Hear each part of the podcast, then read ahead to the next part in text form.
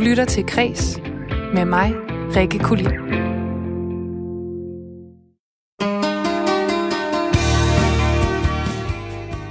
Et apokalyptisk korværk og civil ulydighed, en aflyst festuge og en differentiering af nattelivet og spillestederne.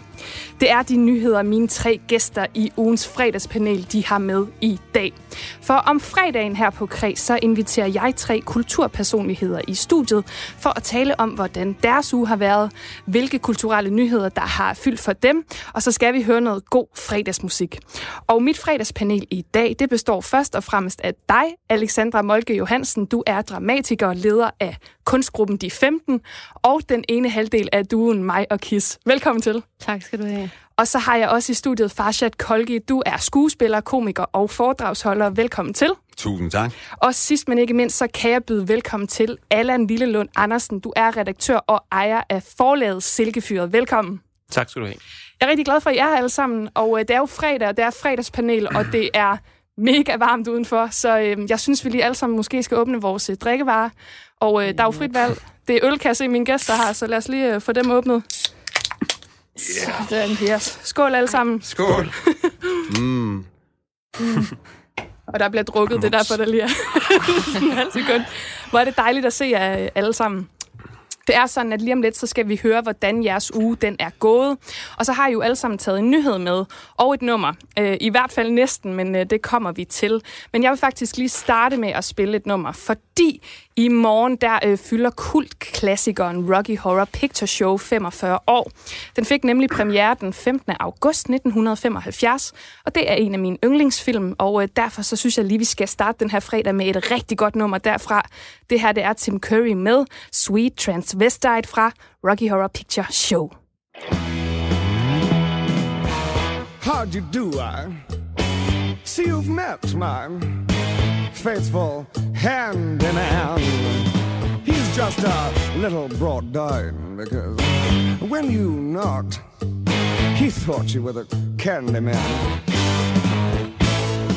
Don't get strung up by the way I look. Don't judge a book by its cover. I'm not much of a man by the light of day, but by night I'm one hell of a lover. I'm just a sweet transvestite from transsexual Transylvania.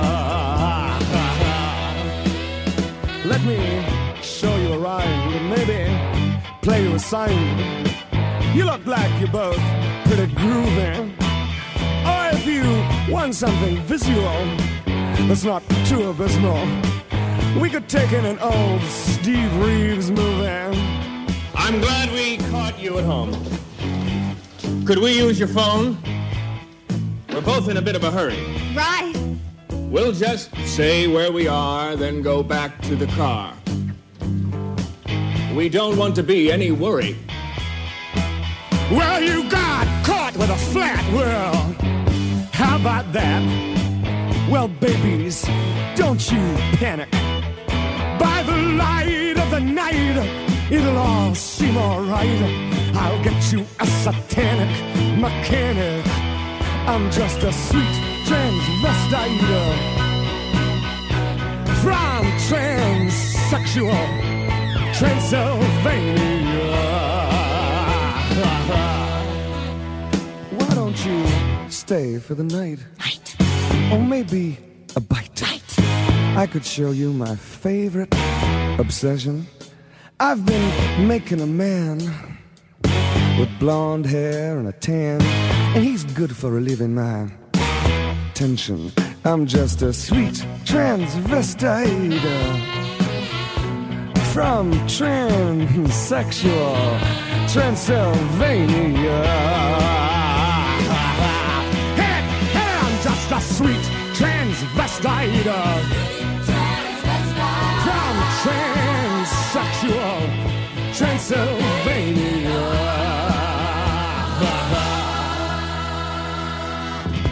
So, come up to the lab and see what's on the slab. I see you shiver with anticipation. But maybe the rain is really to blame. So I'll remove the cause. but not the symptom. Det var altså Tim Curry med Sweet Transvestite i anledning af, at Rocky Horror Picture Show den fylder 45 år i morgen.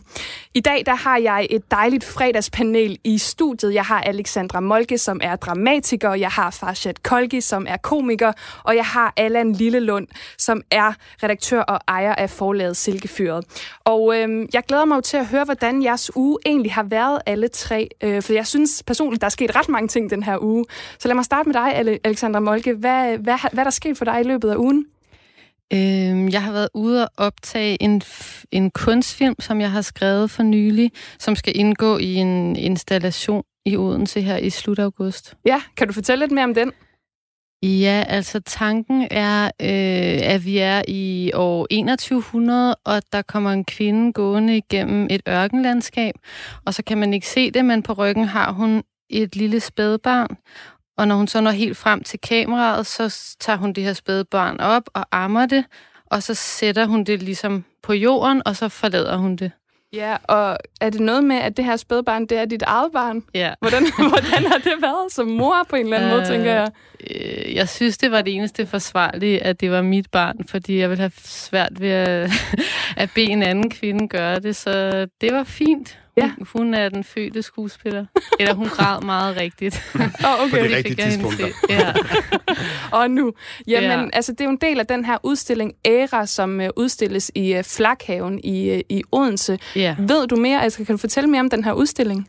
Ja, altså den er bygget op omkring øh, nogle montre, som udstiller hverdagsobjekter fra vores civilisation, men som man ser fra en tid, hvor det er rariteter, eller hvad man skal sige. Mm. Så der vil, der vil stå noget om Paris-aftalen, og hvad der øh, vil ske, hvis ikke vi når at sænke vores CO2-udslip, og så vil der være, ja, nogle, ud, altså nogle artefakter, som vil blive beskrevet som noget abstrakt, altså et fly, som, som er på størrelse med en vals mave og havde vinger, der kunne flyve og sådan noget. Ja. ja, så den her hele, hvad kan man sige, klimapolitiske kommentar, der er i det her, hvordan har det været for dig at sætte dig ind i det sådan rent kunstnerisk? Er det noget, der har optaget dig før? Nej, det, det, det har været forfærdeligt. Altså, jeg gør det kun, fordi jeg får penge for det. det er ikke specielt opløftende at sætte sig ind i, så det har jeg bevidst undgået, indtil jeg blev nødt til at læse om det. Ja. Og jeg tror, vi kommer lidt mere ind på det her emne senere i forhold til den nyhed, som du har valgt. Men Allan Lillelund, jeg kunne også godt tænke mig at høre fra dig, hvad har det været for en uge? Fordi jeg ved jo, du er blevet ret personligt berørt af nogle ting, der er sket i Aarhus.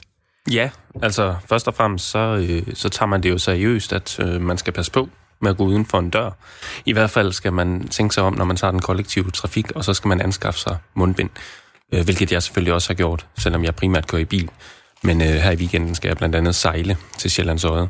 Så, øhm, så der skal jeg jo selvfølgelig have det på. Jamen, jeg kan sige, at Farshid Kolke, han står også i studiet med en masse mundbind, han har købt, okay. så vi er, vi er også øh, yes. vel ekviperet. Ja, det gælder hvis ikke kun Aarhus, men altså, vi er i hvert fald ramt, og vi kan jo ikke tænde for nyhederne uden at høre om Aarhus i øjeblikket. Nej. Øhm, men så er det så selvfølgelig også med den nyhed, som vi også kommer ind på senere, som øh, har ramt mig, det er, at øh, festugen har lukket, ja. eller aflyst. Ja. Og, øh, og det betyder jo selvfølgelig, at øh, jeg bliver ramt på nogle arrangementer. Jeg har en reception for en af en ny udgivelse, vi lige er på vej med under festugen. Øh, det her arrangement øh, satser vi stadigvæk på bliver til noget, fordi det er ikke lavet som et direkte øh, led i festugen. Men, men vi er jo lidt spændt på, hvad, hvordan udviklingen den går. Ja, og den, skal, det. tænker ja. jeg, at vi skal diskutere her i panelet, men jeg ved også, at du den her uge har beskæftiget dig med en antologi. Hvad er det for ja. en størrelse? Jamen, øh, altså det har jeg selvfølgelig gjort over, over flere måneder, men altså den sidste side er den kommet fra tryk, og vi er på vej til at promovere den og få den ud til læsere. Det er en antologi, der er lavet øh, omkring de 17 verdensmål, og vi har fået Jakob Bundsgaard til at lave forord øh, til antologien. Og så har vi fået, øh, ja, det er så 16 forfattere, og, og, og 17, kan vi så sige, kunstnere, der har været inde over det. Det betyder bare, at den ene er både forfatter og kunstner og har lavet sit eget projekt. Men ellers så har de samarbejdet om alle verdensmål, så en forfatter og en kunstner har arbejdet med verdensmål 1, og så videre, og så videre. Okay, altså Ja. det lyder jo ikke sådan kæmpestort, de 17, 17 verdensmål. Ja. Hvordan får man det puttet ind i en antologi? Det kan jeg slet ikke forestille mig. Jamen, først og fremmest, så, øh, så, så skal man gøre det på vegne af kulturen og kunsten. Det vil sige, vi skal ikke til at, at tænke over, hvordan... Øh, altså, vi giver dem selvfølgelig verdensmålene, men det er jo kunstneren og forfatteren selv, der skal fortolke på det og ramme verdensmålet på sin egen personlige måde. Så det er jo ikke et værk, som, som på den måde går ind og debatterer eller politisk går ind i verdensmålene på den måde. Men det er et forsøg på at lave, lade kunsten tale ind til verdensmålene på et eller andet måde. Ja, og Ja. ja. den hedder Det hul af lys. Hvornår ja. er det, den bliver udgivet? Den udkommer 1. september, forhåbentlig med reception på godsbanen. Ja, forhåbentlig. Nu må vi lige Ja. se med Aarhus der, men det vender vi tilbage til lige om lidt. Men jeg vil selvfølgelig også gerne høre fra min sidste gæst, Farshad Kolgi. Din uge, hvordan har den været? Uh, det har været, den har været festlig. Det har været en rigtig, rigtig god uge. Jeg går til prøver på en cabaret-revy øh, ting på Bellevue Teatret. Øh, vi har premiere den 3. september, og så udover det, så har jeg været ude optræde, hvilket er fantastisk i disse dage.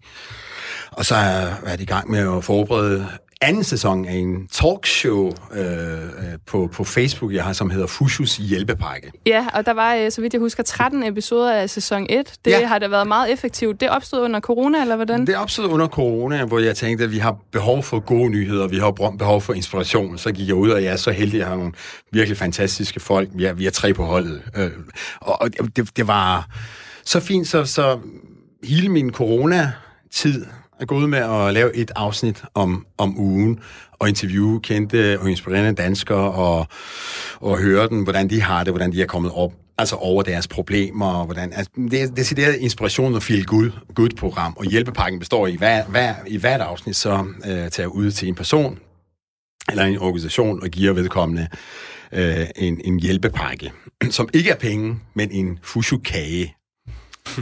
Og hvad, hvad er det for? Er det en drømmekage, eller er det sådan... Det, kan det virkelig afveksle lidt? indtil- videre er det en fantastisk øh, lavkage, Okay. og vi er i gang med at udvikle det nu. øh, så, så vi er i gang med at forberede anden sæsonen, og der er rigtig mange an- andre ting, jeg ikke kan komme ind på nu, hvordan det udvikler sig, men, men Ah, nej, det er en total... Øh, indtil videre er det kun på Facebook, man kan se, se den. Så Ja, og sæson 2 er på vej. Og Ja. så nævnte du jo også, at du havde været ude og optræde den her uge. Var det for anden gang øh, i, i, i meget lang tid? Ja, det var for anden og tredje gang, øh, øh, var det i, ja, siden marts. Jeg tror, jeg var, var det i juni måned, hvor jeg var på en efterskole og optræde, og det var virkelig mærkeligt og skønt. og i den her uge, to gange i den her uge, hvilket også var fantastisk. Øhm, og, og man- jeg kunne godt mærke, at jeg var lidt sådan rusten og skulle lige, men øj, lige så snart jeg, jeg ser publikum, så siger jeg! Det er ligesom sådan en kør, der bliver lukket ud på græs om foråret. ja, og det, det kunne jeg jo i virkeligheden, altså, øh, jeg kunne bare godt lige tænke mig at høre mere om det, fordi jeg tænker, så, det du laver, altså det du lever af, det er jo ja. at komme ud og møde mennesker og optræde og være forskellige steder. Hvordan ja. føles det at få taget det fra sig? Altså, det, det, det var virkelig frygteligt. Det var forfærdeligt. Og, og også ikke bare øh, at optræde, men også for mig, og som, som en skrivende øh, komiker, øh, så er det meget, for mig er det meget vigtigt at, at afprøve materialet med, med det samme, og det gør jeg, når jeg er ude og holde foredrag, eller, eller underholder eller andet, så kan jeg, når der er foredrag, så, så siger jeg, okay, nu, nu afprøver jeg lige noget sjovt materiale, og hvis det ikke griner, så kan jeg bare sige, at det var den alvorlige del af foredraget. Øh, så, så for mig var det virkelig, åh oh, nej, jeg kan, ikke, jeg kan ikke afprøve noget som helst. Så et, med det resultat, at min hustru, dejlige hustru, er så træt af mig. kan, kan I andre genkende til det, det der med, at en af jeres, øh, dem, I øh, sådan, har været sammen med under corona, de er sådan lidt trætte af jer nu, fordi øh, min kæreste, han tager ikke telefonen med. Uh, jeg har i hvert fald taget nogle opgør med dem, der har befundet sig med mig. Ja. Men det har jo været sådan en testtid Ja. på mange måder, ikke? Altså, vi har jo ikke rigtig på, i vores levetid i hvert fald prøvet det her i et land som Danmark. Øh, så det, det er jo bare et eksperiment, vi sådan set mm. befinder os i lige nu. Og øh, apropos det, så synes jeg egentlig, at vi øh, skal hoppe til den første nyhed den her uge. Du lytter til Kres med mig, Rikke Kulin. Ja, for det er jo sådan, at øh, mine tre gæster i dag, de hver især har taget en nyhed med fra ugen, der er gået. Og øh, jeg synes, vi skal starte med dig, Allan Lillelund. Øh, inden vi starter, så synes jeg lige, vi skal sige skål, fordi det er vigtigt at hydrere her i varmen. Skål. Skål. Skål. Og jeg kan også fortælle til lytteren, at normalt så har jeg lukket vinduer, fordi der godt kan være lidt larm, men i dag har vi altså været nødt til at åbne dem, fordi vi står her, og øh, jeg sveder øh, rigtig, rigtig meget. Jeg har smidt tøjet. ja, men det valgte jeg at ignorere. øh, Allan Lillelund, du, øh, du er den første, der skal fortælle os, øh, hvilken nyhed du har valgt for den her uge, og hvorfor. Ja, altså, øh, det er det med festugen, Ja. som har aflyst. Og øh, det har jeg valgt, fordi øh, både fordi, som du selv var inde på, at jeg selv er personligt øh, berørt af det, øh, og usikker på, hvad det har konsekvenser for nogle arrangementer, jeg står for. Men også øh, fordi det er øh, på en eller anden måde øh, interessant, det her med, at en øh, festuge, som jo ikke på den måde er et arrangement, men det er en masse arrangementer, aflyser. Hvad betyder det så for enkeltstående arrangementer? Hvad betyder det for de arrangementer, som måske ikke nødvendigvis øhm, er lavet i, i, af festugen, hvis man kan tale om en person, der er festugen, øhm, men som kommer lidt udefra, men som ligger samtidig med. Skal man have dårlig samvittighed over at afvikle arrangementet? Hvor ligger vi henne i det? Altså, jeg kalder den her tid lidt en gråzones tid. Vi er hele tiden i sådan en gråzone omkring tingene. Vi skal hele tiden også bruge mavefornemmelsen. Øhm, men er det nok? Ja, altså, ja. Jamen, øhm, det, altså det, der sådan slår mig lidt, det er jo, øh, fordi du nævner, at du selv er personligt berørt, men jeg ved også, du har jo nogle arrangementer, som du faktisk ikke ved, om I stadig gennemfører, og så er det, jeg bliver sådan lidt forvirret. Jamen, er, festlu- festugen ikke aflyst? Altså, mm. hvordan, befind, ja, hvordan bevæger man sig rundt i det? Jamen altså, det er jo svært. Altså, vi, øh, vi har ikke lavet vores arrangement som et direkte samarbejde med festugen, men vi har selvfølgelig haft øh, tanker på og, og flette det ind i deres øh, promovering og, og deres formidling på en eller anden måde. Ikke? Så vi synes jo på en eller anden måde, vi godt kan tillade os det, og vi forsøger der at kæmpe for at gøre det stadigvæk øh, med de restriktioner, eller med de forholdsregler, hedder det, som, øh, som man skal have, når man afvikler det. Men altså, jeg er ikke 100% sikker på, at det lykkes i sidste ende. Det kan være, at vi bliver nødt til alligevel at udsætte det. Ja, øh, jeg kunne godt tænke mig, altså noget, der også slår mig, det er jo, at bor, borgmester Jakob Bundsgaard, han var jo rigtig, rigtig lang tid ude at sige, at øh, det kommer til at ske, den bliver afviklet, den her festuge, vi aflyser ikke med mindre, at, øhm, at nogen direkte anbefaler os om det. Og det gjorde man jo så efter, at der havde været stor kritik og på sociale medier. Altså, mm. hvad tænker I, mine fredagsgæster? Det der med at være så sent ude, når først al kritikken har havlet ned over en, i stedet for at måske være på forkant. Hvad vil I have gjort i sådan en situation? Farset peger Ja, på damerne mig. først. Damerne først. Øh, det, det ved jeg overhovedet ikke. Jeg ved ikke. Øh, jeg synes at det er bedre at gøre sent, end ikke at gøre det, hvis det er det, der er det rigtige. Altså, hvis man... Ja, det er svært. Jeg, jeg, jeg er også meget forvirret omkring det, fordi jeg kan virkelig godt forstå, i og med, at jeg også er, selv er i den branche. Så, så, men, men vi står over for noget, som, som vi i hvert fald i almindelige dødelige, måske et dårligt øh, ordvalg her, ikke aner noget som helst om. Jeg ved det ikke, jeg, og jeg, jeg stoler blindt på, på, på systemet og håber, at de ved, hvad de gør. Øh, men det skal ikke undre, altså, jeg, jeg må gerne indrømme, at jeg er meget forvirret, fordi det er lige præcis en gråzone, ikke? Altså, så skal man sige, "Nå, så er det en, en kæmpe stor arrangement, der bliver afholdt, og så er der noget andet, der ikke bliver afholdt. Så, så flyver man, og man sejler på målslinjen, og man er tæt sammen i halvanden time, og jamen, altså, jeg, jeg er meget, meget forvirret omkring det. Ja, er du også forvirret, Allan? Ja, meget. Øh, det er jeg bestemt. jeg, kan- jeg kan så fortælle, at øh, vi skulle have mødtes med øh, Jakob Bundsgaard i dag, fordi vi skulle have givet ham bogen. Og det aflyste han også, og det forstår jeg jo sådan set godt. Øh, han har sikkert rigeligt at se til. Men min pointe er lidt, at, øh, at som du selv siger, at det kommer måske lidt sent det hele. Ikke? Det er sådan lige Ja. dagen før, så bliver det aflyst, og et par uger før øh, festugen, så lukker de ned. Men vi har jo som sagt ikke fået nogen udmelding endnu. Øh, Det kommer sikkert fra godsbanen, fordi det er der, vi holder øh, receptionen i Aarhus. Hvis det er, så lukker de jo alle arrangementer ned hos dem. Men altså, det må vi jo se. Men det er også det der med, at jamen okay, så festugen som koncept, den, den bliver ligesom ikke af, øh, afholdt længere, men enkelte arrangementer kan godt afholdes. Altså skal man så bare, hvad skal man så kalde de arrangementer? Står de så mm. for sig selv, eller skal man bare skifte navn på dem? Altså hvad tænker du om det? Jamen, de vil jo stå øh, for sig selv, eller via vores øh, projektstyring, ikke? Altså, så vil vi lægge navn til det lige pludselig. Ja. Det tænker jeg, de skal. Øhm, og det handler jo om, hvordan de er bygget op, tænker jeg. Ja. Altså, kommer de fra festugen, eller kommer de et andet sted fra?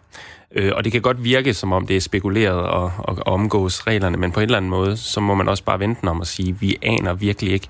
Altså, der er jo ikke nogen, der har lyst til at lukke deres arrangement, med mindre myndighederne siger, det skal I gøre, eller det er anbefaler vi, så kan man også overveje det.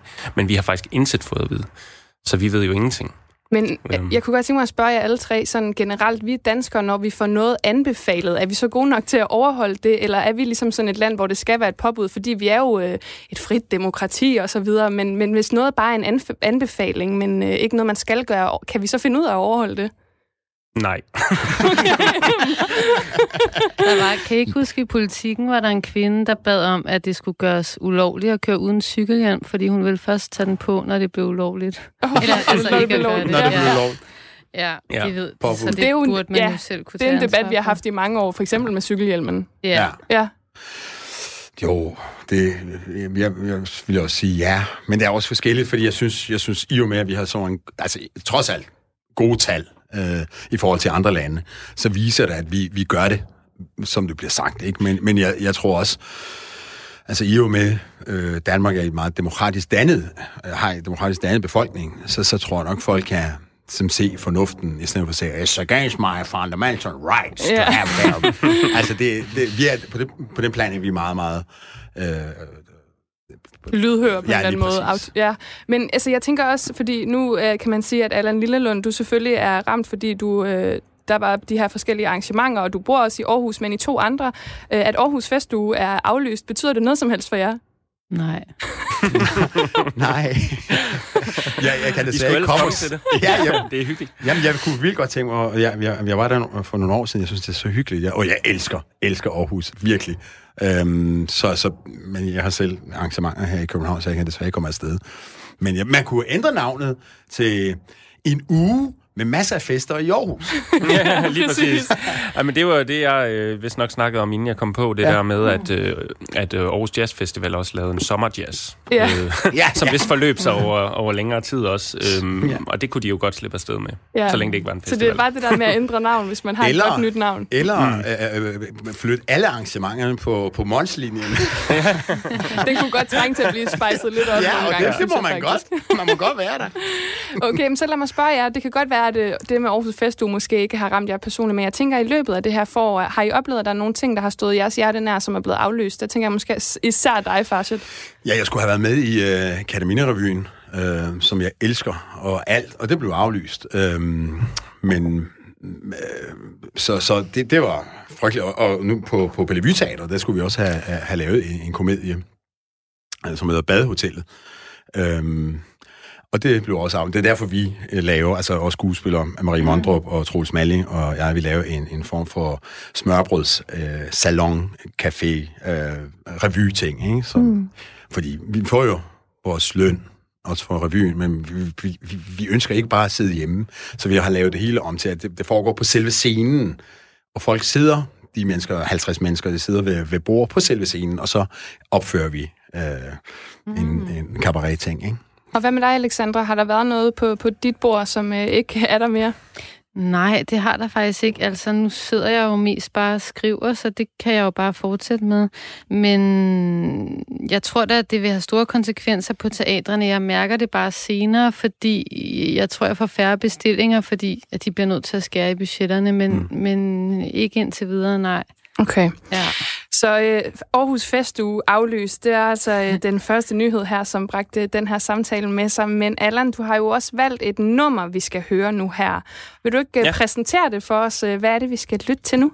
Øh, Jeg har valgt et nummer af Peter Sommer, der mm. hedder Vida Valde Mælkevejen, Ja. øh, som jo er en reference til Bjarne Reuter, romanen øh, af samme navn med Bjørn og Ditte. Øhm, mange kender Bjørn-filmen i hvert fald af Ville August. Øhm, så det er jo i den, der er et link til det. Det er der muligvis ikke i teksten, men det er der i hvert fald i titlen. Øhm, ja, jeg synes, det er en god sang. Jeg synes, Peter Sommer skriver nogle gode tekster, og en, en forlægger, der arbejder med ord, skal jo være fokuseret lidt på, på det tekstmassen også.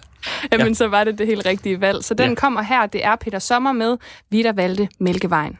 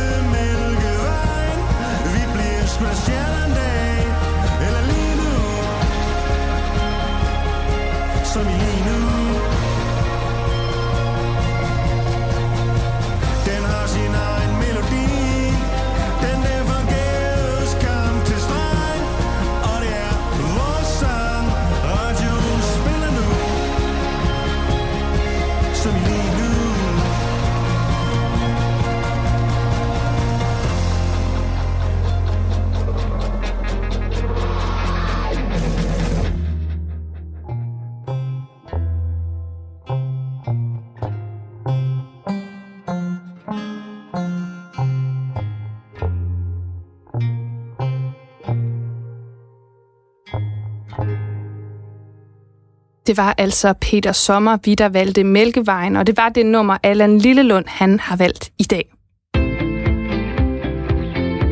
Du lytter til Kres med mig, Rikke Kulin. Og så skal vi videre til min næste gæst i fredagens panel, nemlig dig, Alexandra Molke, fordi du har jo også taget en uh, nyhed med, og uh, hvad har du valgt at uh, bringe på bordet i dag? Jamen, det er sådan lidt en todelt nyhed. Øh, den første del af den er, at der i dag udkommer et apokalyptisk korværk for fem unge stemmer, kaldet Slutsang, og akkompagneret af violin, fordi det er en violinist, der har komponeret det, så det er vigtigt at sige, øh, med tekst af digteren Julie Mendel. Og den udkommer i dag på 70 lyserøde kassettebånd. Jeg elsker det. Ja. og jeg var sådan helt, er der nogen, der har noget, der kan afspille det? Hvor Det har jeg. Jeg har Ja. kassettebåndoptager. min veninde, der var musiker, var også bare sådan, ja, Alex, det har alle. Men altså, Der er en gammel det- diktafon. Ja.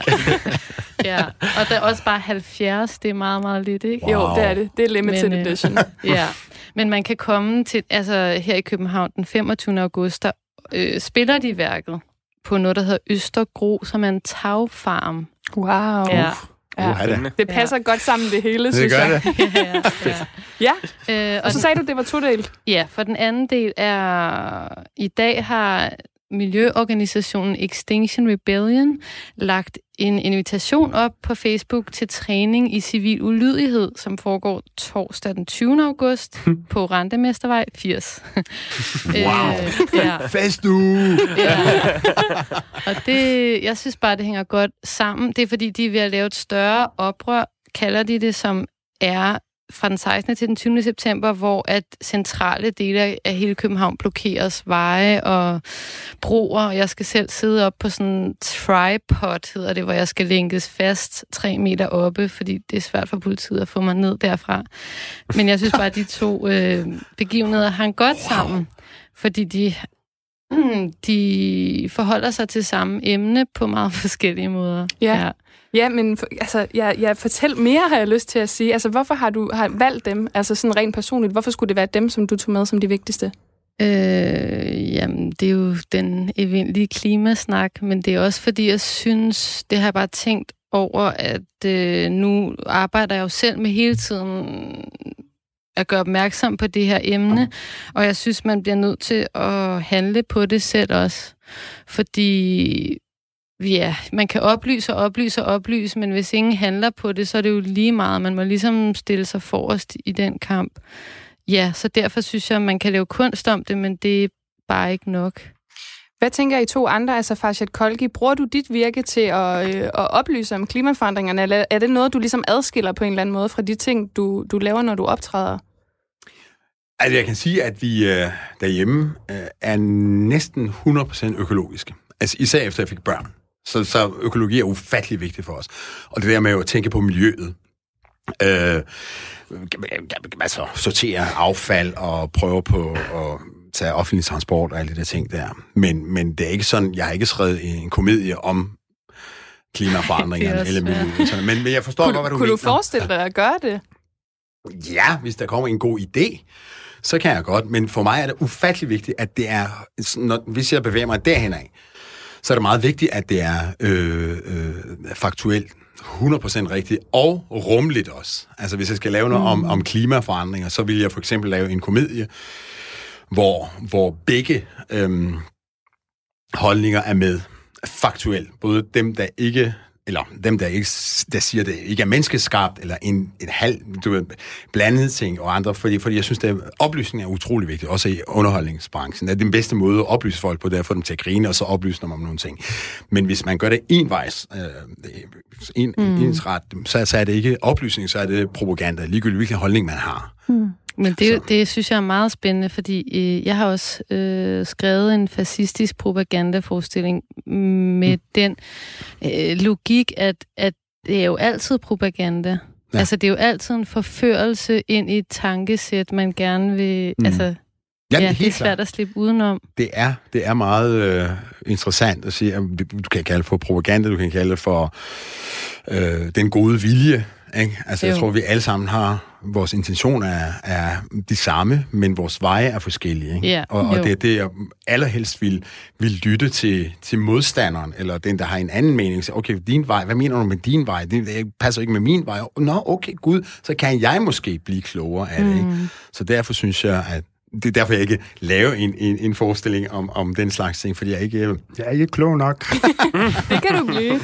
Men jeg kunne også tænke mig at bringe dig med så, Allan, fordi du er jo, øh, du er jo redaktør og ejer et forlag. Altså i forhold til de bøger, I udgiver for eksempel, mm. er der så fokus på, på den her tematik? Fordi jeg ved jo, at klimalitteratur er, bliver større og større, og øh, der har været den her klima- og litteraturfestival, som startede sidste år i, i København. Ja, altså øh, hvis vi vender tilbage til antologien, så er der i hvert fald fokus på, øh, på øh, bæredygtigt papir. Ja. Så det er jo, og det er der ikke ved alle mine titler, det vil jeg ærligt indrømme, men det er bestemt noget, jeg, jeg bevæger mig ind på, og som jeg begynder at tage mere og mere seriøst. Øhm, og så, så, så det, der er den tanke, og jeg synes egentlig også, at antologien, øh, man kan også kalde nogle af de tekster, der er med der, lidt propaganda, i hvert fald i den forstand, at man bliver forført af en eller anden tankegang i forhold til verdensmålene. Og det, det lader man så, så forføre af, hvis det er en god tekst. Mm. Men til gengæld, så er der jo øh, ja, 17 forskellige, eller der er faktisk øh, 34 forskellige bud på, på øh, hvordan man kan gribe verdensmålene an. Ja. Øhm, så ikke for at fremhæve, at det er bare måden at gøre det på, men det er i hvert fald den måde, vi har gjort det på i den, og det synes jeg måske har en, en værdi på den måde. Øh, at man så selv kan, kan stille, stille sig ind på nogle af de her tekster, som siger en mere end andre. Så det er jo sådan en, en samling, man selv kan sortere lidt i. Men jeg synes jo, det er interessant det her med, nu taler I om, hvornår noget er propaganda, og hvornår det ikke er. Det er vel også tæt forbundet. Altså nu, nu snakker vi om det i forhold til klimaet, men vi har ikke brugt ordet propaganda om øh, coronaepidemien for eksempel endnu. Nej. Det er bare som om, vi følger blindt med der. Ja. Og du startede jo med at sige, Alexandra, at hvorfor kommer der ikke nogen påbud om for eksempel øh, flyv mindre, spis mindre kød, spis vegansk, mm. eller alle de her ting. Ja. Er det noget, du selv lever efter, eller sådan, hvordan, nu, nu nævner du, at du skriver for eksempel, om du bruger din kunst til at øh, Mm. informere om det, men, men ud over det, Ja, ja, altså, men det, åh, altså, jeg har netop i dag, nu kan I ikke se mit tøj, men jeg har tænkt over, nu vil jeg ikke ligne en veganer, nu tager jeg noget pænt tøj på, øh, fordi jeg er veganer, ja. Og jeg ved godt, at alle hader veganer. Nej, Nej. det gør vi ikke. Men øh, det er jeg. Altså, jeg tror, nu har jeg interviewet en masse miljøorganisationer, og det er, jeg vil meget gerne understrege, at det er ikke løsningen. Det er strukturelle ændringer. Men, men selvfølgelig er det svært at fortsætte øh, sit forbrug, når man bliver bevidst om det. Ja. Mm. Ja, og så tænker jeg også, altså, vi, kan, vi snakker om de her ting, som vi alle sammen kan gøre selv, men er det ikke også i virkeligheden politikernes ansvar? Jo, men, men mit problem med det er bare, at politikerne synes også, at det er USA's ansvar. USA mm. synes, det er Kinas ansvar. Alle, og, og sådan er mine forældre også. Sådan, jamen, der er nogle andre, der bruger mere end mig, og jeg kører kun i min bil nogle gange, og det, og det er også rigtigt nok. Øhm, men man må også ligesom være et moralsk menneske i verden, altså man må kunne stå inden for sine handlinger i en eller anden grad. Ja. Jamen, og så altså, nævnte du jo her, at del 2 af den her nyhed, det var jo en træning i civil ulydighed af den her øh, organisation Extinction Rebellion, som jo ja. findes i masser af lande. Synes I, der er brug for civil ulydighed? Kan jeg jo kaste ud. Jeg ved, jeg, jeg, du kan jo starte.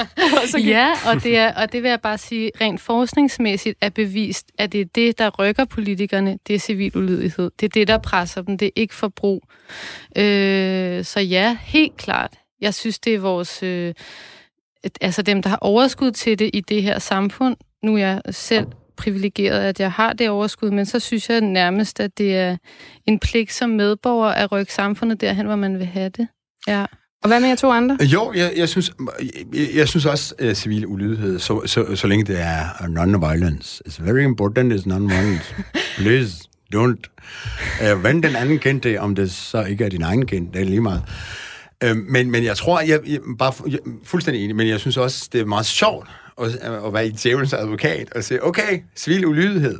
Så, så, hvad nu hvis folk siger, vi, laver, vi begår civil ulydighed og bærer ikke maske? Ja, masker jeg stod den, lige og tænkte på det Så jeg, faktisk. okay, er det fedt, eller hvad? Altså, forstår du, hvad jeg mener? Jeg er fuldstændig enig, altså, men jeg, jeg elsker at spille djævelens advokat nogle gange. Mm. Hvad nu, hvis der er den anden? Øh, fordi så kan man sige, jamen, jamen, er det godt, eller er det ikke godt? Så, hvad gør man så? Fordi så kan jeg jo sige, hey, jeg render rundt og hoster i, i, Nå, ja. i, i togene, og jeg vil mm. sige, hey, der er civil ulydighed, ikke? fordi det er, det er et eller andet øh, konspiration og corona, bla, det, hvilket der findes rigtig mange på nettet desværre, der tænker sådan, ikke? Man siger, Ja. oh my god, hvad gør vi så der? Ikke? Jamen, jeg tænker, mm. man skal jo have et større formål med det.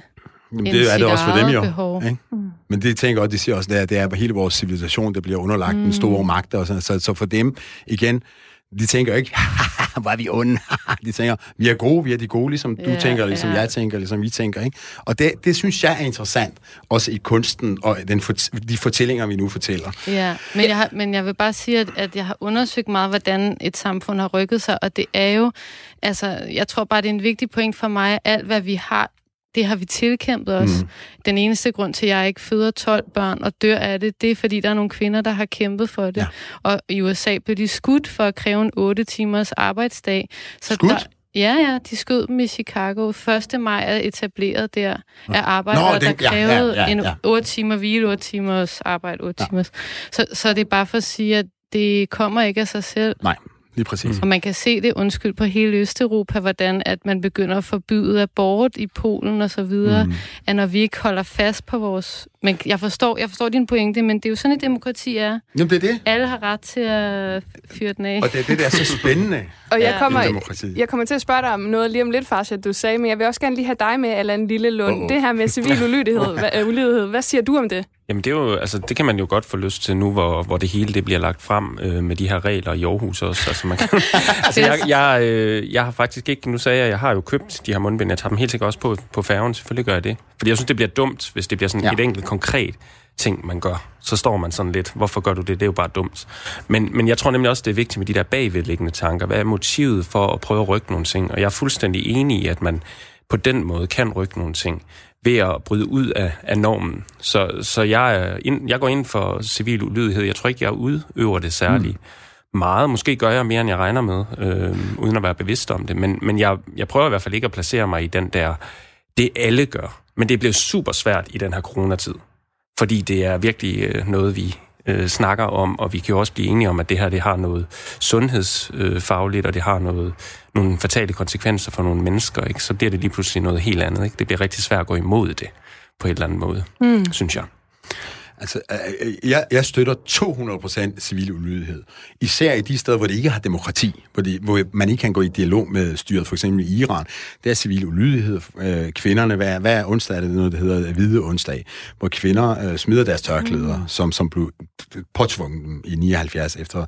Og, og det synes jeg er fantastisk, og der ville jeg ønske, at der var mange flere i Vesten, der kunne sætte fokus på det, og sådan, fordi de kæmper en alene kamp for ligestilling, for frihed og sådan noget. Og det, det støtter jeg 100%. Især, som sagt, i de lande, hvor de ikke har demokrati, ikke har muligheden for at gå i dialog med, med systemet, som vi har her. Og det jeg lige vil spørge dig om, Farshad Kolke, inden vi skal øh, høre, hvilken sang Alexandra har valgt, og så alligevel Oh, ja. ikke, fordi der er, mm-hmm. det er noget lidt andet, vi skal til lige om lidt. Mm. Men så, så tænkte jeg bare på, at du sagde før det her med, at du godt kan lide at være sådan djævelens advokat mm. i de her situationer. Men i forhold til for eksempel at øh, ændre vores kultur, den måde, vi opfører os på i forhold til klimaet, hvis man så godt ved, hvad der sker, og man har faktaen på sin side, er det så ikke øhm, hvad kan man sige, det der med at være djævelens advokat, er det ikke et spildt greb på et eller andet måde? Er der ikke ligesom, der er Nå. for kort tid igen på en Jo, eller anden jo, måde? ja, men øh, det- jeg siger ikke djævelens advokat bare for, at han skal jeg djævel, men det er bare kritisk tanke. Hmm. Og igen, målet er at redde planeten. Men, men det, det skal ikke være nogen, der bliver øh, stigmatiseret. Du er ikke på vores hold. Ah, fascist. Åh, den, du benægter det hele. Nej, det er, fordi det kan godt være om landsbytossen, der siger noget der, at han faktisk har en god idé at man kan. Fordi målet er det samme.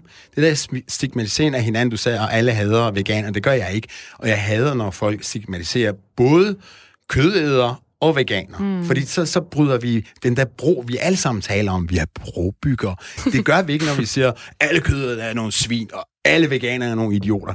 Sådan kan vi ikke arbejde sammen. Det, kun Det tror jeg også er vigtigt, Ja. at vi er hinandens allierede. Lige præcis. 100 procent, ja. Og øh, nu skulle vi jo så egentlig høre det nummer, som du har valgt, Alexandra, Alexandra Molke, men du har spurgt, om du må læse en tekst højt i stedet for. Oh. Og Ja. øh, det er første gang, vi prøver det, og det er jeg meget, meget spændt på, og det selvfølgelig må du det. Ja. du lige sige lidt om den? Øh, nu bliver det meget alvorligt. Jeg er den alvorlige her i studiet. Det er godt. Øh, Efter mig. ja. Jeg er den mindst. Uden øjne. ja, nej, øhm, det er en tekst om en udvisning op fra Sjælsmark, som er vores udrejsecenter her. Der, det ligger op i Nordsjælland. Så det er en beskrivelse af en udvisning af en familie deroppe fra. Er det, er det nok? Det er fantastisk. Ja. Så den kommer her. Tak. Sådan forviser de familien. Sådan må betjentene handle, når de har fået ordren, og den ikke så let lader sig udføre. De lange, beskidte gange, rungende tunneller, hvor børnene farer vild. Familier bag billige trædøre, der er ingen steder at gemme sig. Betjentene kommer som regel, når de afviste ansøgere ligger og sover, inden solen får øjne og fyldes af redsel og gro. Børnene på værelserne opdager dem ikke. De behøves ikke gøre bukserne våde. De sover under sengene i mørket, hvor de leger, at ingen hænder kan nå. Det er en mor og en far. Det er deres søn på fire og deres nyfødte baby. Det er tredje gang betjentene kommer. Nu kan det ikke udskydes længere. Moren og faren har lavet postyr. De lægger sig i gangene. De skriger og kaster med armene og laver en masse larm. Det har de afviste ansøgere lært er effektivt. Det har de lært for betjentene til at træske tomhændet hjem. Moren og faren vækker de andre afviste ansøgere, og så kan der komme ballade. Så myldrer de frem fra værelserne. De råber og filmer og skubber. Sådan går det også i dag, og palaveret vækker solen, som giver lys til en morgen, der aldrig vil blive glemt af dem, som står og ser på. Den lille dreng græder, og babyen laver klagende lyde. Men ordren er givet, det er betjentenes arbejde. Denne gang har de udstyr med, det kan ikke blive ved. Den ene betjent holder babyen, mens moren får blæ på. Så kan hun tisse og lave lort, uden at det lugter for meget for de andre passagerer i flyet. Drengen bruger også blæ, så han kan nok forstå, at det kan være svært for mor at holde sig. Især med den medicin, hun sluger for ikke at være for hissig. Faren og moren får hjelme på, så deres hoveder ikke skal gå i stykker, når de kaster dem ind i tunnelerne og forsøger at fare vild. Hænderne sammenholdes med strips. Betjenten holder drengen i hånden. En hånd er en hånd. Den er varm og solid. Babyen stiger op i den uendelige himmel, og de går ud til bilen sammen. Moren falder i søvn, og savlen løber ned over blusen. Drengen synes, hun ser mærkelig ud med sin hjelm og den tykke numse, som blæen giver. I flyet er der underlig stille. De farer over byer og marker og hav. Faren begynder at græde, og alle de tavse nakker stiger på drengen, der højt op i luften og hele vejen over Europa knuger betjentens hånd. Tusind tak, Alexandra Molke. Øhm, jeg vil lige spørge dig her, øh, som kunstner, hvorfor er det her et emne, du har behov for at skrive om? Øh, fordi jeg synes, det er så brutalt, at vi lever i så civiliseret samfund, hvor vi behandler folk i Danmark på den måde. Og jeg vil virkelig, for at gøre det kort, opfordre folk til at tage dig op. Man kan bare tage dig op og se, se det, fordi det er svært at beskrive. Øh, ja, så man skal bare invitere sig en beboer, så kan man selv se det, for det er historisk, altså, at, at vi behandler mennesker sådan, ja. Det var ordene fra Alexandra Molke, og øh, nu skal vi altså til den nyhed, som Farshad Kolki har valgt. Du lytter til Kres med mig, Rikke Kulin. Ja, vi er kommet til vores øh, sidste gæst i fredagspanelet, som har taget en, øh, en nyhed fra ugen med. Farshad Kolki, hvad har du taget med til os? Ja, det er hele diskussionen om nærmest fase 4. Fire. Ikke? Og øh, det, øh, det er jo at se forskel på nattelivet, og hvad det er nattelivet. At det ikke er, at diskoteker og spillesteder er ikke en og samme ting. Det synes jeg er meget, meget interessant. Også fordi jeg er en del af det. En del af nattelivet. Ja, ja en del af nattelivet. Kom så sammen, løft så taget. Åh, oh, jeg gad godt at være i København lige nu. Jamen, altså, øh, det har jo været noget, der faktisk også har fyldt ret meget sådan her på den kulturelle scene hele ugen. Den her diskussion omkring, altså, øh, at man i første omgang fra, øh, fra Folketingets side og fra regeringens side, der havde man altså øh, sidestillet spillesteder med natteliv og diskoteker. Og både øh, Benjamin Bo Rasmussen, som er Ja. formand for Dansk er Skuespillerforbund, min formand. og Lena Brostrøm, som er det for, samme for Dansk Artistforbund, de skrev et debatindlæg til Kulturmonitor, hvor de også satte øh, fokus på det her. Altså, jeg kunne starte med at spørge jer om, hvad, hvad siger det om regeringens forhold til kultur, at man i første omgang ligger altså spillesteder og så nattelivet, hvor man fester sammen? Hvad tænker I om det?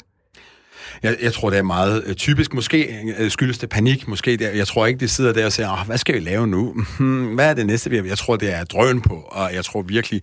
Men det, det, det viser måske ikke... Det, øh, den måde, man tænker på. Man se, øh, lægger alt i en kasse. Nå, nattelivet, teater, øh, diskotek, det er vel det samme. Det er i den her kasse. Uff, og det andet i en kasse. Det er sådan, vi tænker altid, tror jeg, at vi putter det hele i kassen. Vi ser nok, okay, for eksempel flygtninge, det er flygtninge indvandrere, det er det samme. Det i en kasse. Øh, kunstnere og klovne, de er i en kasse. Jeg, jeg, jeg, jeg, jeg tror, det er, det er sådan, det er. Jeg skal bare forstå, altså teater og natklubber er det samme. Nej, det er det, folk det tænker siger, ikke. Ja, jamen, det siger de jo ikke. reglerne er nu det samme, fordi de er under samme kategori. Jeg De diskuterer det vel godt. Det er det, der er ved at blive... Okay. Altså, det, Ja, der er ved at spillesteder. Ja, lad os lige Ja, tage det den. det. Så, så jeg tror, det skal gå ind og være lidt mere, lidt mere øh, aktive og finde ud af, hvad er hvad. Mm. Ikke? Fordi diskoteker, det der med at danse og være hammerende fuld klokken, efter klokken tre, det er noget andet end at gå til en eller anden koncert med, øh, hvad ved jeg, øh, Johnny Madsen og sidde stille og roligt, lytte til ham og alt det der. Man skal bare have tre, tre meters afstand fra scenen. Øhm, så, så, øh, og det er den differentiering, som er utrolig vigtig at sætte fokus på. Mm. Og det er politikernes opgave der, ikke? Ja, og det er jo der, jeg tænker, jamen har vi nogle politikere, der egentlig overhovedet interesserer sig for kultur og for kulturpolitik, når det foregår på den her måde? Hvad tænker du, Allan Lillelund? Jeg tænker i hvert fald, at det er politikken, der kommer før i det her tilfælde, end, øh, end det er en, en diskussion om, hvad er kultur, hvad er kunst, mm. desværre. Men øh, jeg vil også sige, at den her diskussion kommer i kølvandet på corona. Det er ikke en undskyldning, fordi jeg synes bestemt, den er, den er værd at tage med, og måske er det det, der kommer ud af det her, som er positivt. Det er, at vi diskuterer, mm. hvad er kunst, hvad ja. er øh, kultur i Danmark. Så jeg tænker, det er positivt, men jeg tror også, vi skal huske, at den kommer øh, lige pludselig ind fra højre, øh, uden nogen havde set det komme, tror jeg. Heller ikke Joy Mogensen, som ja. jo øh, har været i vælten før. Øh, måske med rette, helt klart. Men, men altså, det er jo virkelig noget, der bare lige pludselig kommer på grund af corona. Ja. Øh, så bliver det her interessant. Det har jo i bund og grund ikke været interessant før. Altså, i hvert fald ikke det med kulturlivet, eller hvad det nattelivet, og så øh, koncerter. Det tænker jeg ikke, det har været. Det har ikke været det for mig, i hvert fald personligt. Og for mig er det ikke en eller anden snobbet forskning. Det er utrolig vigtigt, at teateret overlever. Eller, Det er det også. det er det. Men jeg tror, at her i den her øh, situation er, handler det om folks øh, levebrød. Altså, Ja. Her handler det om også nogle diskotekejere, som, som går rundt lige om mm. lidt. Altså, så man skal simpelthen gå ind med mikroskop og se, okay, den her en natklub, hvad kan man gøre, så de kan køre? Altså, så de kan åbne, ikke? Altså, det er ikke bare sådan, nej, nej, I danser bare, det er lige meget. Det, det er så vigtigt at tænke på. Først og fremmest, det er folk, der lever af de ting. Ikke? Mm. altså, hvordan kan vi ja. forbedre deres situation? Det er det, det, det hele handler om. Men oplever du for eksempel, Alexandra Molke, at øh, politikerne tager dig som dramatiker alvorligt? Altså, sådan, hvad kan man sige, din, øh, din øh, professionsgruppe, øh, det er jo, altså, der er jo ikke særlig mange, der for eksempel bliver uddannet dramatikere. Nej, der er to om året. Præcis. Men Det, ja, det er der stadig to. Men øh, hvad skal jeg sige om det? Jeg synes heller ikke, teatrene tager det så, tager mig så alvorligt længere. altså, det må, det må jo ikke ende med at blive underholdning, men vi er på vej derhen af, at det er mere en showmaskine, end det er kritisk refleksion. Så det tror jeg også, vi selv har et ansvar. Jeg kunne godt tænke mig at høre jer alle tre sådan ultra kort, for vi skal simpelthen også nå at høre det nummer, som Farshad har valgt. Jeg synger selv. øh, bare sådan lige et par ord fra jer hver især. Hvis I nu kunne sidde med til den her gen, øh, åbne, hvad hedder det, øh, diskussionen om genåbningen her i fase 4, hvad ville I så gerne, øh, hvad kunne I ønske jer, at øh, der skete? Vi starter med dig, Allan. At det vil være for plat at sige, at jeg ønsker, at øh, festen bliver sådan noget. Det, det, det gør jeg egentlig heller ikke. Det er ikke, Det er det er ikke mit udgangspunkt, og det er ikke min kamp. Jamen, øh, jeg tror, det er den her diskussion øh, omkring at differentiere tingene, men samtidig få alle med. Ikke? Altså, det er faktisk lige præcis det der med, at det er levebrød, mm. som jeg gerne vil have en, en, en endnu større respekt omkring. Øh, fordi der er folk her, som, som ikke skal gå nedenom og hjem, men som kommer til at gøre det.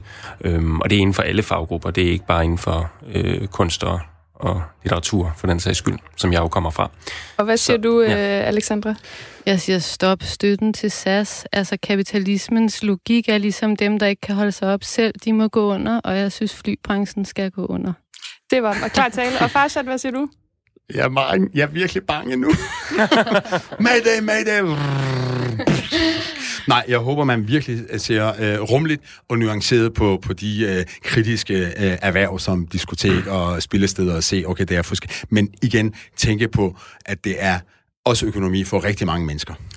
Ja, det var altså ordene fra jer alle tre, og lige om lidt, så, øh, så takker vi af for nu. Men øh, først, øh, Farshad, så, øh, så skal du lige præsentere det nummer, som du har taget med. Og Åh, hvad er det for Jeg et håber, nummer? det er Spice Girls. Spice Girls! Dum, I did it again. Det var så ikke Spice Girls. Det er så Britney Spears. Ja. Nej, det, er- det er, det, hver- halve år, så går jeg hen og bliver, jeg er oprindeligt fra Iran, og, og, og, og, og jo ældre jeg bliver, jo mere nostalgisk kan jeg gå hen og blive, og, og i perioder, så kan jeg virkelig, virkelig savne øh, Iran, og ønske, at jeg var, i stedet for indvandrer, var udvandrer nu, fordi altså, det, jeg savner det gamle, de gamle, dejlige melodier. Så, det, det, så, så lige nu, i den her tid, er jeg i sådan en periode, hvor jeg går på YouTube og lytter. Så den her sang, hvis jeg hører, det er en øh, iransk sang, komponeret af en, der hedder Reza Rouhani, øh, og sunget af en øh, iransk kvinde, som hedder øh, Sarah Nanini. De bor begge to i USA. Ham, Reza Rouhani, som har skrevet øh, sangen, er søn af en øh, øh, øh, øh, iransk øh, musikalsk geni, som også er kæmpe stor. Han kan sammenlignes med, med Bent Fabricius Bjerg i Danmark. Yes. Gammel. Og hvad hedder og nummeret? Og hvad hedder Ja. nummeret? For vi skal også nå at høre det. Jordan hedder det. Super. Jamen, så vil jeg sige tak til jer alle tre. Farshad Kolgi, Allan Lillelund Andersen og Alexandra Molke. Og her kommer altså nummeret valgt af Farshad Kolgi. Tak for nu. Og så vil jeg bare lige sige, at om lidt der er der Studiestræde, som er en Beatles sommerspecial. Og øh, så lyttes vi ellers ved i næste uge.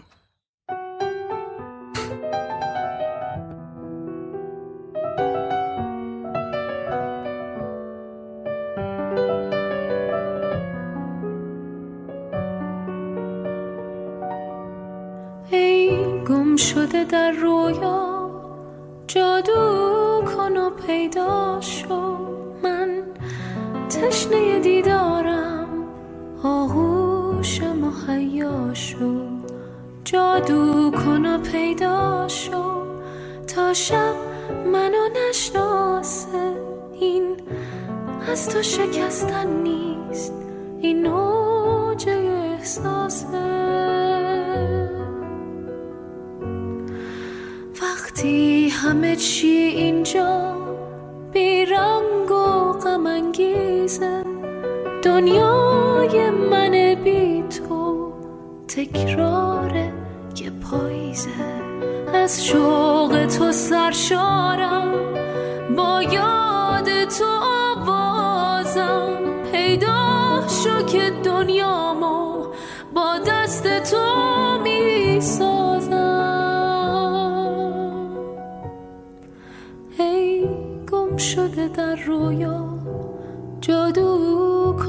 پیدا شو. من تشنه دیدارم آغوش مهیا شو.